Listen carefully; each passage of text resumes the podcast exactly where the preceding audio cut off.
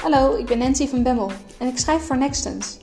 Het stuk dat ik zo ga voorlezen is een column van Niels Scholten, partner en belastingadviseur bij Contactus.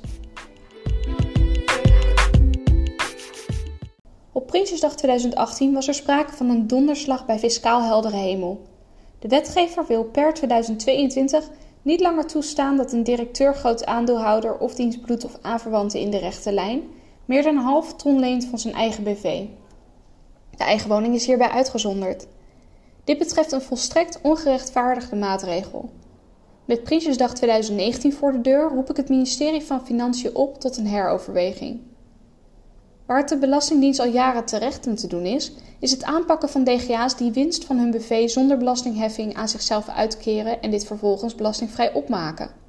Geld om de materieel verschuldigde inkomstenbelasting later alsnog te betalen, is er dan niet meer. Daardoor vist de fiscus achter het net.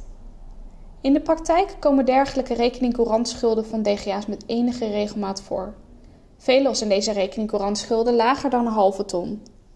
Dit probleem wordt straks met de botte bel aangepakt. Als de DGA, los van zijn eigen woning, op 1 januari 2022 een lening heeft van zijn eigen BV van meer dan een halve ton, dan wordt het gezien als fictief inkomen en belast in box 2. Alle probleemgevallen onder de 500.000 euro worden niet aangepakt.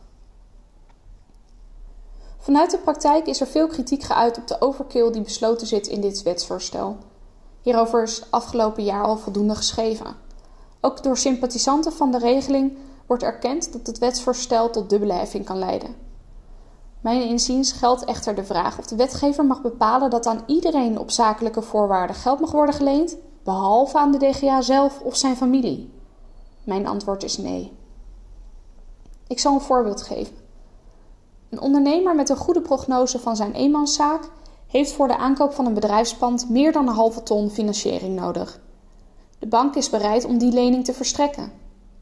Een ouder van de ondernemer heeft geld in zijn BV waar geen rente op wordt vergoed.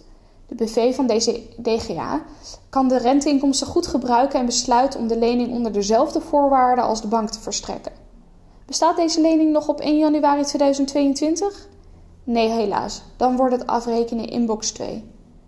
Is er geen geld liquide beschikbaar voor deze belastingheffing, dan is dat het probleem van de DGA en niet van de wetgever.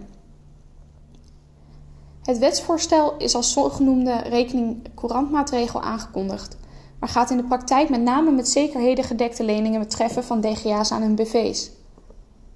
Hier ben ik het principieel mee oneens. Het is niet aan de overheid om op de stoel van een directeur van een vennootschap te gaan zitten. Ik kan me vinden in een wetsvoorstel bij waar, waarbij wordt geregeld dat een DGA geen geld kan lenen van zijn BV zonder voldoende zekerheden. Echter, een lening die op volstrekt zakelijke voorwaarden aan een derde verstrekt mag worden, moet ook aan de DGA zelf of zijn familie verstrekt kunnen worden. Daarnaast is het volstrekt ongepast om niet te voorzien in overgangsrecht, op grond waarvan bestaande situaties kunnen worden geëerbiedigd. DGA's worden gedwongen om actie te ondernemen of het nu, hen nu gelegen komt en haalbaar is of niet. Dit is het zoveelste voorbeeld dat er sprake is van een onbetrouwbare overheid. Dit wordt eenvoudigweg afgedaan als met het argument dat iedere DGA voldoende tijd heeft om maatregelen te treffen, maar dat veel leningen een langlopend karakter hebben, daar wordt geen aandacht aan besteed. Hoewel het ministerie van Financiën stellig voornemens lijkt om deze wetgeving, ondanks alle kritiek, ongewijzigd in te voeren, doe ik een oproep om tijdig tot bezinning te komen. Pas de wetsvoorstellen zodanig aan dat deze uitsluitend focust op ongedekte leningen. De drempel van een halve ton kan dan achterwege blijven of bijvoorbeeld worden verlaagd tot een doelmatigheidsmarge van 50.000 euro. Juist de DGA's waar het dan om gaat, kunnen dan met de wetgeving worden bestreden. De volstrekt zakelijk handelende DGA's kunnen dan buiten beschouwing blijven.